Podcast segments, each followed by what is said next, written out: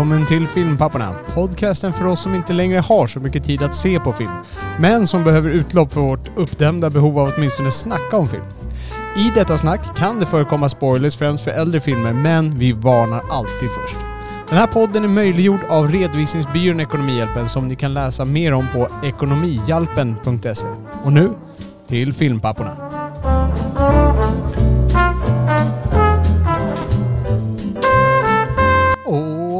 Vi! Bonjour Robert, comment allez-vous Oh, vi, vi måste parler un peu de français. Mais tout à fait, oui, oui, c'est Mais bon, merci. Baguette, Jacques Chirac. Le vrai Roquefort. Eh oui. Ja, vi måste ju prata lite franska för att om man gör en film i Frankrike då måste den vara Deppig. deppig! Det är en överdrift. De gör väldigt lättsamma, dåliga komedier också. Men, men är det någonting fransmännen är bra så är det depp. Det är bra på depp. Men är inte deras komedi lite deppiga också? Ja, jag tycker... Jag vet inte. Vad, vad heter den där tuta, tuta så Mu- kör muta och kör. Mut, muta Ja, och kör. Muta och kör den har en lite mörk botten. Det är en väldigt Ja. bra film. Den slutar ju lyckligt då men de är ju lite, det är ju lite det är deppiga losers det är det. Men det finns väldigt, alltså franska, jag gillar fransk film men franska komedier, det är inte min grej alltså. Nej. Nej. Vilken är den bästa franska komedin? Du tycker att det är Visitörerna? Nej, det tycker jag inte. Jag, tror, jag vet inte om jag har, kan jag hitta någon? Nej, nej jag kommer inte på någon. jag, jo, jag gillar gamla Louis de Funès. Jag gillar ja. Fantoma och där. Ja, ja precis. Ehm, vilken är den bästa franska komedin? Ja, det är svårare att leta bland franska komedier jämfört med att leta bland deppfilmer. Ja precis, Ja. där är det precis ett hav att ta.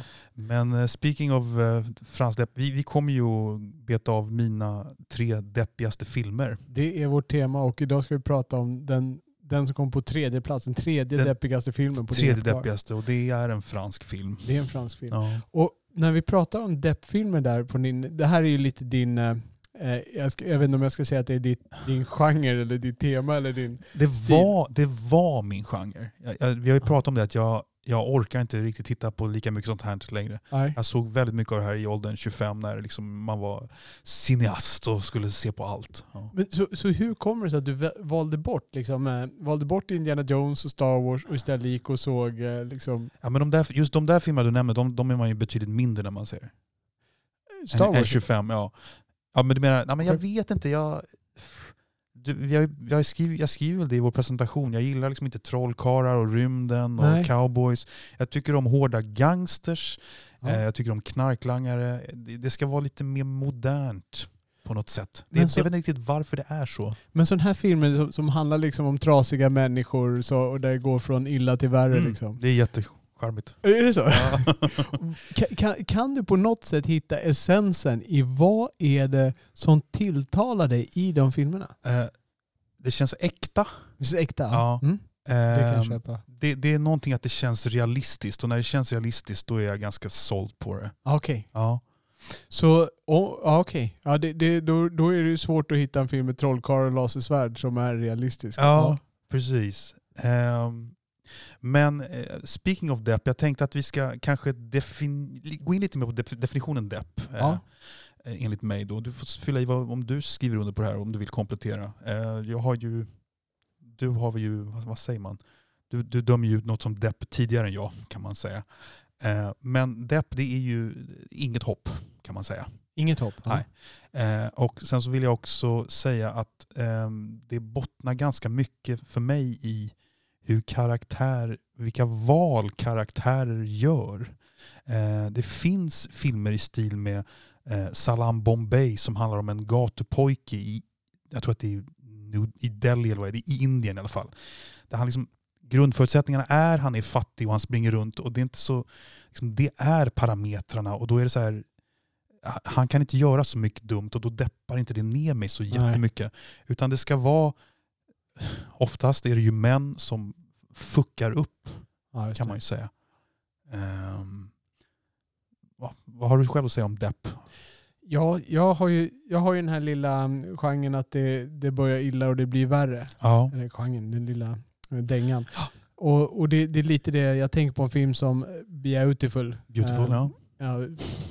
ja. Man måste säga Beautiful. det stavas. ja. Eh, och det med Javier Bardem, en spansk film. Ja. Och där är den, den är verkligen eh, eh, paradexemplet på det här, när det börjar illa och sen går det ut Ja, liksom. ja. Du, ja. Absolut. Hans filmer, den regissören Inarito, just Beautiful slutar ju ganska deppigt. Eh, han går runt och har prostatacancer och är döende och jag tror han dör på slutet i princip. Jag tror det. Han ska liksom eh, göra lite closure på grejer och träffa lite människor. Den är, den är jättesorglig. Eh, Inarito annars tycker jag inte gör... Jag tycker hans filmer, de slutar ju ofta på en ganska hoppfull klang. Om du tänker Babel och du tänker eh, 21 gram slutar ju också ganska positivt. Hon, får ju, hon blir ju gravid trots att Sean Penn dör och vad du vill. Ja. Eh, men men eh, det, det, jag tycker mycket av hur deppig en film är, är ju hur den slutar. Faktiskt. Om Okej. den kan sluta på en hoppfull klang så tycker jag inte att det är så deppigt utan man får se till helheten. då liksom. blir den diskvalificerad från depp- Ja, deppgenren. liksom. lite, lite ja. Så, så om jag, den som du har valt som ditt bottennapp, Som alltså inte är deppig i mina ögon. Det Nej, fattar jag ju exakt. direkt vilken det är nu, eller hur? Eh, nej, Nej. Jag, jag har faktiskt inte fattat det. Nej. Jag har ju alltså sett de här fyra filmerna, Ja. dina topp tre och ditt bottennapp, utan att veta vilken som är vilken. Mm. Eh, och och jag, jag kan inte tydligt se vilken som är bottennappet. Jag Nej. kan inte tydligt se det. Jag kan gissa på två stycken Ja, eh, som det skulle kunna vara. okej. Får vi se vart Ja. vi handlar. Eh, men ska vi gå över till dagens film? Ja, ska vi, ska vi ta Bubblarnas That Didn't Make It? Ja, Ja, vilka filmer är det som har försökt knacka på dörren till depplistan men inte riktigt lyckats komma in? ja vi har ju The Wrestler med Rick, Mickey Rourke. Ja just det, det var en av dem jag hoppades att du skulle ta med på den här listan för Ja. det är en film jag inte har sett. Ja. Men, Sen har vi en film som jag faktiskt helt glömde bort som mycket väl kunde ha fått vara med. Eh, och det är den här filmen jag pratat om, The Assassination of Richard Nixon med Sean Penn. ja just det. Mm. Eh, jag var mån om att stoppa in en, en fransk deppfilm för att Frankrike måste representeras här. Men man hade ju kunnat göra en, en, ett avsnitt om bara franska deppfilmer och eh, en om engelskspråkiga. Det blir väldigt bra diversitet på de här filmerna kan vi säga. Ja. Nationell diversitet. Ja, Mm. Tack. Jo, det är fyra olika nationaliteter. Helt korrekt. Yes. Tänkte Ja. jag inte ens på. Eh, sen har vi då en, en film Tre, av... tre olika världsdelar. Precis. Eh, sen har vi då ehm, en film av Todd Solondz och Todd Solondz är ju med eh, på min topp tre-lista här. Just det. Men det här är en film av honom som heter Palindromes Ah. som jag började se på DVD i mitt hem. Eh, men den var så jävla, jag mådde så jävla dåligt den jag stängde faktiskt av den. Oj, det, Så lå- det, det låter som att den borde ha varit med. Ja. ja, men om jag hade plågat mig igenom den så hade den fått vara med. men det, det kanske hade varit en happy ending där, det vet man inte. Man vet inte precis, jag kunde inte riktigt eh, uttala mig om den. Men eh, Mother of Christ var jag mådde dåligt av den. Eh, sen då en av alla franska filmer, det finns en fransk film som heter Den lugna staden som är en sorts liten, eh, lite shortcuts i Marseille där kärnan är en, en kvinna som eh, måste ta hand om sin heroinistdotter. Ja. Mm. Okej. Det låter muntert va? Ja, det är kul som alltid. Eh, Men det är bubblarna. Men vi eh, kanske kan launcha in i Ja. Ja. Jag tänkte, det var ju en fransk film där, jag, jag tappar namnet på den, den här med den här kända våldtäktsscenen. Just det. Vad heter den? Den heter Irreversible. Irreversible. Ja. Eh, en grej till när man ska komma till vad som är depp tycker jag det är att, att eh, filmer, filmerna har ganska låg intensitet. Eh, om du tänker Irreversible, den, den, där, sitter man ju, alltså, där sitter man ju och vrider sig i, i ångest när det är en våldtäktsscen på 20-25 minuter utan ett klipp. Ja. Och det är för övrigt världens mest meningslösa film. Den är skickligt gjord men den är, den är, så, den är så meningslös den filmen. Eh, men liksom, alltså, jag tänker så här, filmen Pusher är på sätt och vis en, en deppfilm. Men den är liksom macho och de är aktiva och arga. Det är inte riktigt depp i mina ögon, även fast det, det, är- det är deppigt. Det är Ja. någon som kämpar för sitt liv och det går inte så himla bra liksom. Nej, precis. Kim Men det är, det, ja, det är någonting, liksom, jag tror att när jag tänker tillbaka på de här filmerna, att, det är liksom ganska låg intensitet i filmerna. Det är låg energi, vilket ju typ är depression. Ja, mm, ja visst. Ja. Okej. Ehm, ska vi eh, med det kasta oss in på, på ditt tredje val? Might as well jump. Okej. Ja. Så Oliver, tredje mest deppiga filmen i världen enligt dig är Änglars drömliv. Änglars drömliv. Det är en fransk film. Vad är den franska titeln? La vie rêvée des anges. Och där tänkte jag bara ställa frågan, du som är franskspråkig. Borde inte, om man skulle vara lite mer ordagrann i översättning, borde inte vara um, Änglars drömda liv? Ja, För Ja. Änglars drömliv, det är är liksom Ja. som... Ja, helt korrekt. Ja. Bra. absolut. Tack. Ja. Nej, för jag, jag tycker att det får en annan innebörd. Det är inte bara liksom semantik. Nej, Eh, och och det, jag tycker att det knyter an bättre till filmen, till det som är lite budskap. Ja. Budskap, jag vet inte om jag ska säga att det finns budskap. Så vad, vad kan vi säga om den här filmen? Berätta, vad handlar filmen om? Ja, men det handlar ju om två eh, arbetarkvinnor som är ganska unga. De är väl en 22-23 någonting. Och bägge är ganska vilsna. Du har då eh, den ena tjejen som heter Isabelle, kallas för Isa, som spelas av Elodie Bouches. Eh, hon är någon slags drifter som flummar runt från stad till stad och som inte riktigt har någon, något högre syfte eller vad man ska säga. Hon är lite mer huvudpersonen i det här Ja, än den andra. ja. Hon delar på det mycket. Och hon, eh, hon har ju typ inget jobb och eh, eh, flummar runt och lyckas stöta på en, en annan eh, tjej som heter Marie Thomas som spelas av Natasha Re- Renier. Precis, för hon får ett jobb på en syfabrik. Hon lyckas eh, snubbla över ett jobb på en syfabrik. Där får sitta en symaskin och det är där de stöter på varandra. Ja, är det så det? Ja, just det.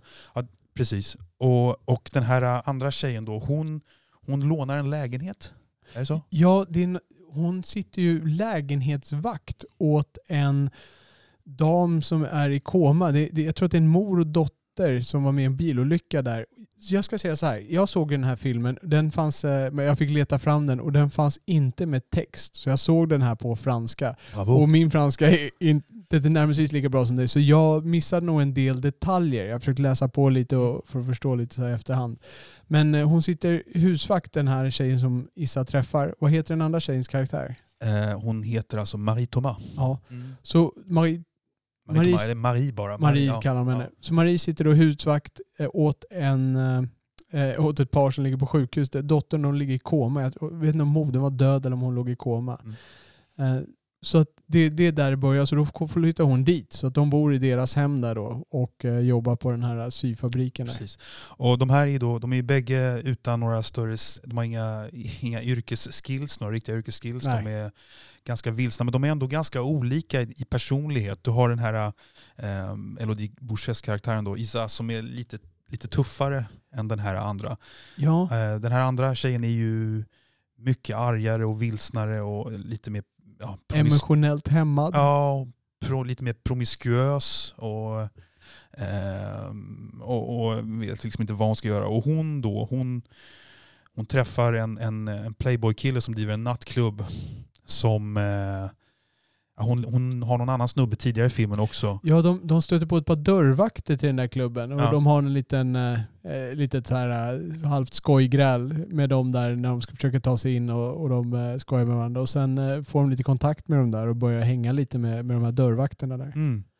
Eh, men men eh, hon, hon, den här Marie då, hon, hon, hon, hon är ju liksom försöker hitta någon slags snabb fix i den här nattklubbskillen och, och tror ju att han ska vara någon slags knight in shi- shining armor men han är ju bara en playboy som, och hon är bara en av alla hans brudar. Liksom.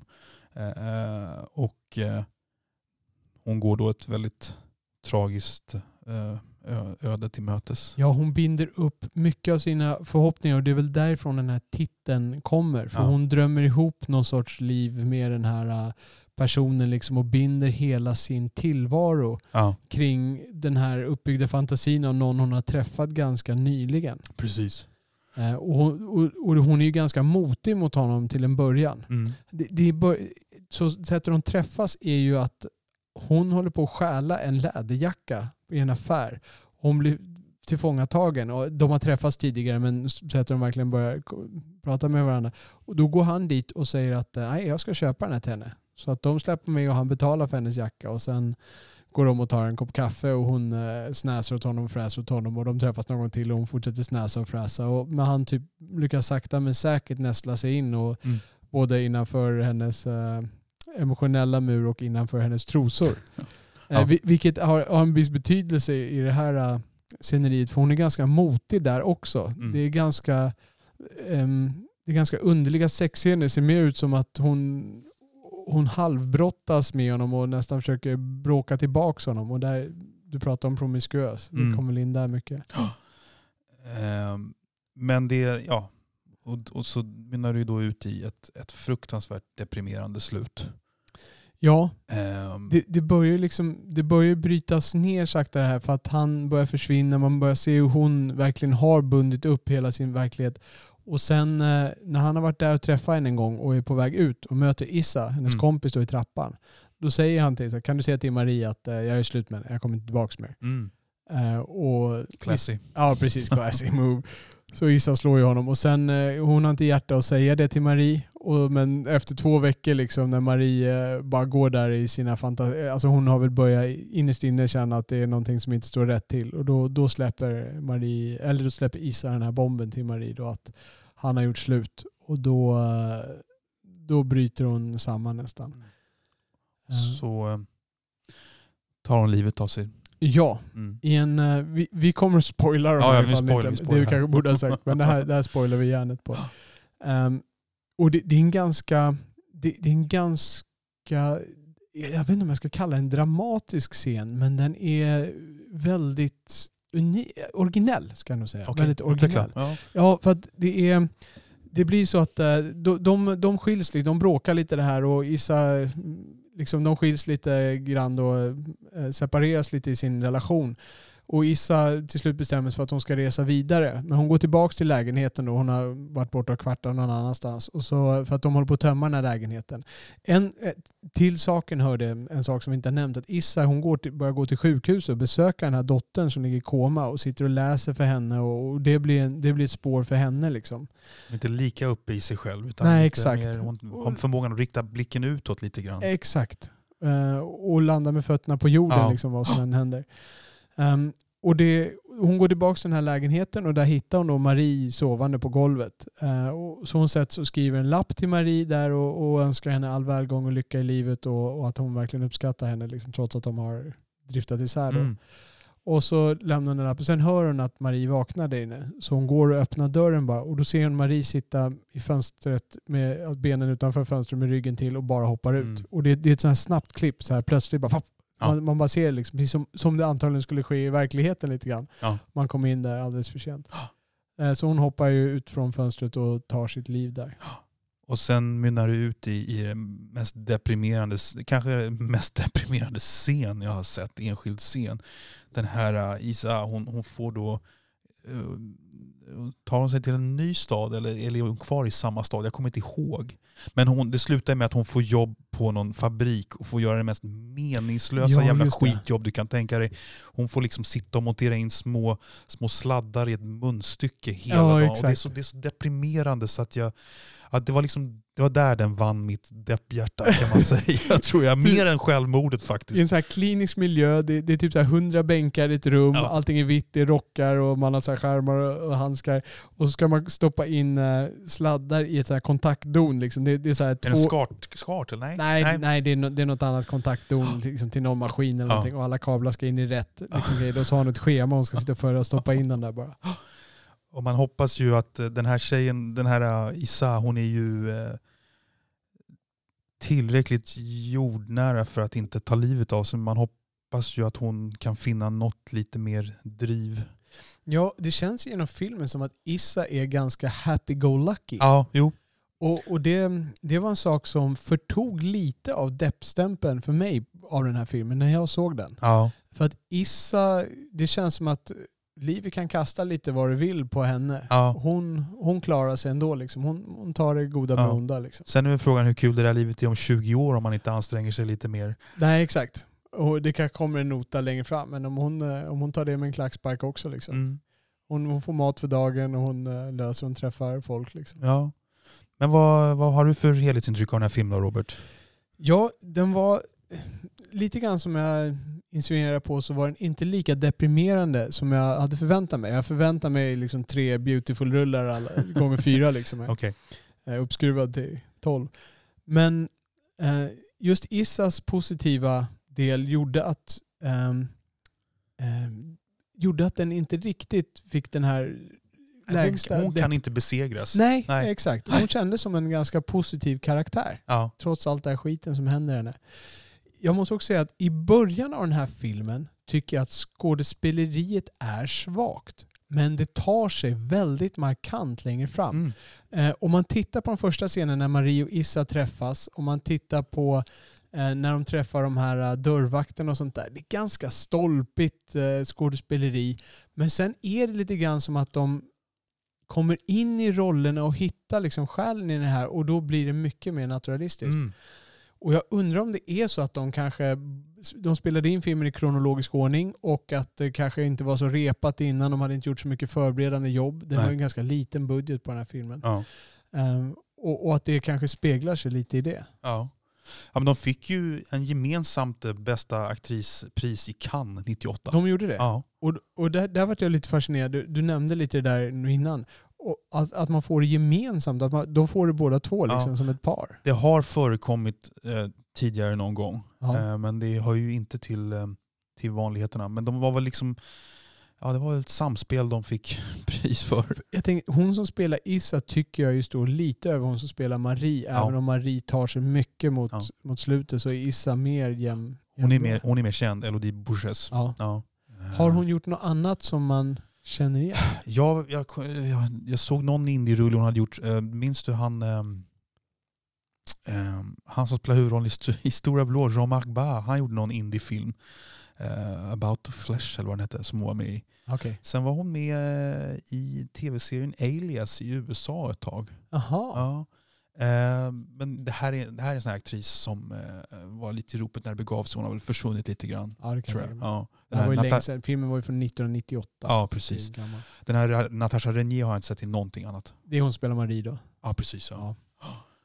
Ehm, men eh, ja, det är intressant det du säger, att, att, den, eh, att du hade väntat dig något deppigare. Ja. Ja, Ja. li- lite grann så är det. Du har ju tagit med mig på, eh, på ganska många sådana här rullar.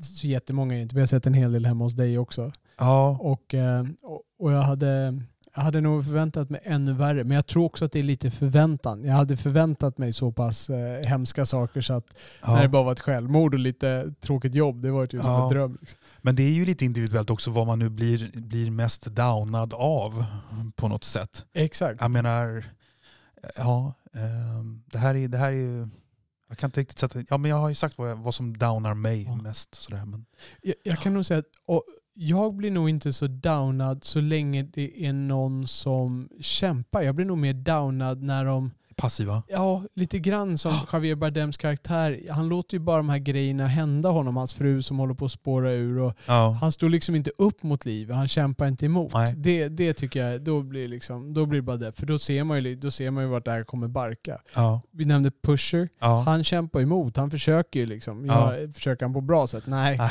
Men eh, Nej. han kämpar i alla fall, försöker lösa grejerna i sitt liv. Ja, nej, absolut. Ehm, pass, passiv, passivitet är deppigt, och, men även felaktiga beslut. Det kan vara någon som är ganska aggressiv och arg, men som fattar så uppenbart fel beslut. Och jag kan säga att eh, The Wrestler är ju en, en bubblare för att Mickey Rourkes karaktär tar ett sånt fruktansvärt, tycker jag, dumt beslut på slutet framförallt. Mm. Jag ska inte spoila den.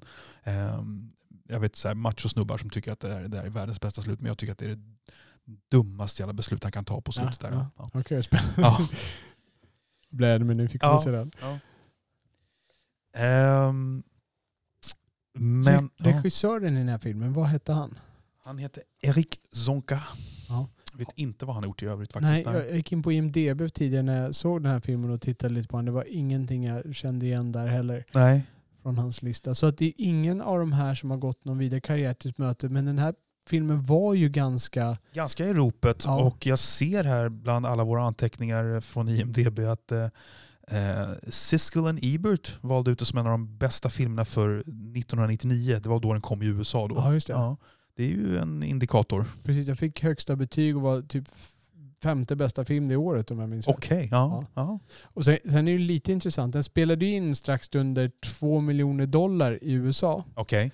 Vilket är bara, vilket typ är nästan hälften så mycket, eller vilket nästan är hälften av det som The Adventures of Pluto Nash med Eddie Murphy spelade in.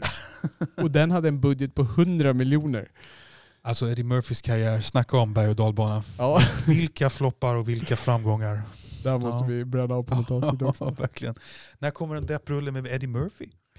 Finns det ingen depprulle med Eddie Murphy? Alltså hans, hans öde i Dreamgirls är väl ganska deppigt. Just hans öde har jag för mig. Ja, Det är väl ganska... Men han har ju liksom inte spelat någon så här arbetslös deppmänniska. Han har ju spelat tjocka individer men de blir ju ofta lyckliga på slutet. Och... Den här uh, Dolomite-rullen, Ja, det har inte jag sett. Nej. nej, den är inte Depp heller. Han, det är faktiskt den som, eh, som besegrar sin situation där på något sätt. Även om det blir, eh, han blir B-stjärna så blir han ju en stjärna på något sätt. Ja. och vinner, vinner dagen. Jag, jag tänkte på, om att prata på, på temat vad som är depprullar igen. Eh, Uncut Gems. ja, jag vet att du tycker den är deppig. Ja, men Ja. är det en, en depprulle? Jag har svårt själv att ställa mig på en fot. Det är inte riktigt en deppfilm i mina ögon. Ehm, Den har för mycket intensitet. Visst har den det? Ja. Ja. där, det, det, det är det som skär bort Ja. den. Det, det är en jäkla... Det finns ingen film som har sånt jävla Nej. tempotryck i. Nej. Mm. Ehm, nej, jag vet inte vad man ska stoppa in de där äh, filmerna i för genre om det inte är depp. Det är eh, intensiv misär. Ja, intensiv misär. Jag ser fram emot våra intensiv misär topp tre-lista. Ja, Och Uncut Gems måste ju hamna överst på den. ja precis. Eh, jag har inte så mycket mer att säga om ehm, Dream Life of Angels, La Vie Rêvée des Anges. eh, ehm, Är det en film vi skulle rekommendera andra att se? Finns det, en, finns det, ett, finns det någonting att hämta och titta på den här filmen? Ja men alltså, jag måste ju, eftersom det här är då den enda franska filmen så vill jag slå ett slag för den. Alltså, det finns inget land som är så bra som Frankrike på att skildra eh, en viss sorts eh, ganska utsatt arbetarklass. De, Mm. det, det, så det här är en bra introduktion till sådana franska filmer. Det finns många sådana här skulle jag säga. Det, det är verkligen ett deppig tillvaro Ja. som de vistas i där. Verkligen. Vet, vi har inte nämnt vilken stad de är. De är i Lille. Det är Lille, ja, riktig industristad. Ja. Just det. Det, den är, det är hamnstad där också, är det inte det? Nej. Jag blir osäker, jag tror att det är norrut, långt norrut. Ja, okej. Eh, det är kanske är hamnen där Ja. mot eh, England, eh, hållet där. Ja, Ja. Jag tror det. Nej, och det enda andra fakta jag lyckades hitta om eh, när man läste runt på den här filmen, det var ungefär att eh, eh, den här, eh, hon som ligger i koma, det var en väldigt eh, akkurat beskrivning av hur, hur det ser ut när man är i koma, hur det funkar och sådär. Okej. Hon är ju på sjukhuset ganska mycket Issa och eh, spenderar tid och det, det är mycket kring hur, det, hur de tar hand om de här komapatienterna, de går och pratar med dem och Ja. hur de kan öppna ögonen utan att det är bara liksom början på tillvaknandet. Mm. De är inte där riktigt egentligen. Men inför den här sessionen så skrev ju du lite halvskämtsamt på eh, Skype till mig att du hade nu inhandlat eh, Valium, rakblad, pistol och Ja, vodka eller vad det var.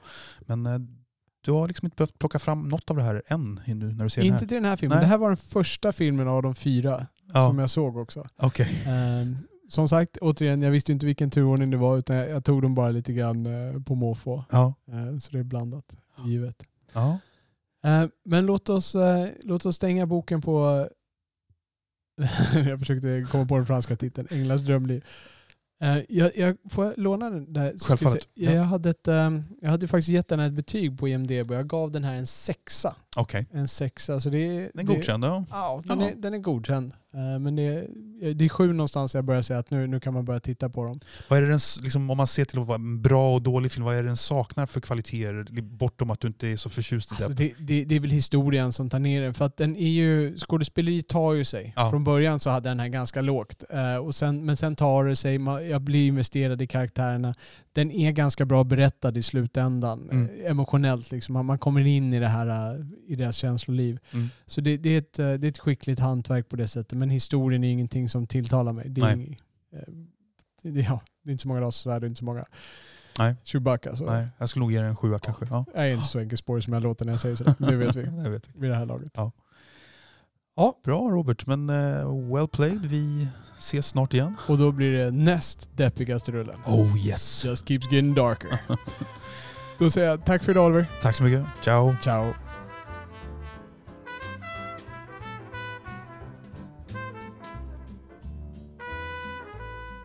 Ni har lyssnat på Filmpapporna som släpps onsdagar, fredagar och söndagar.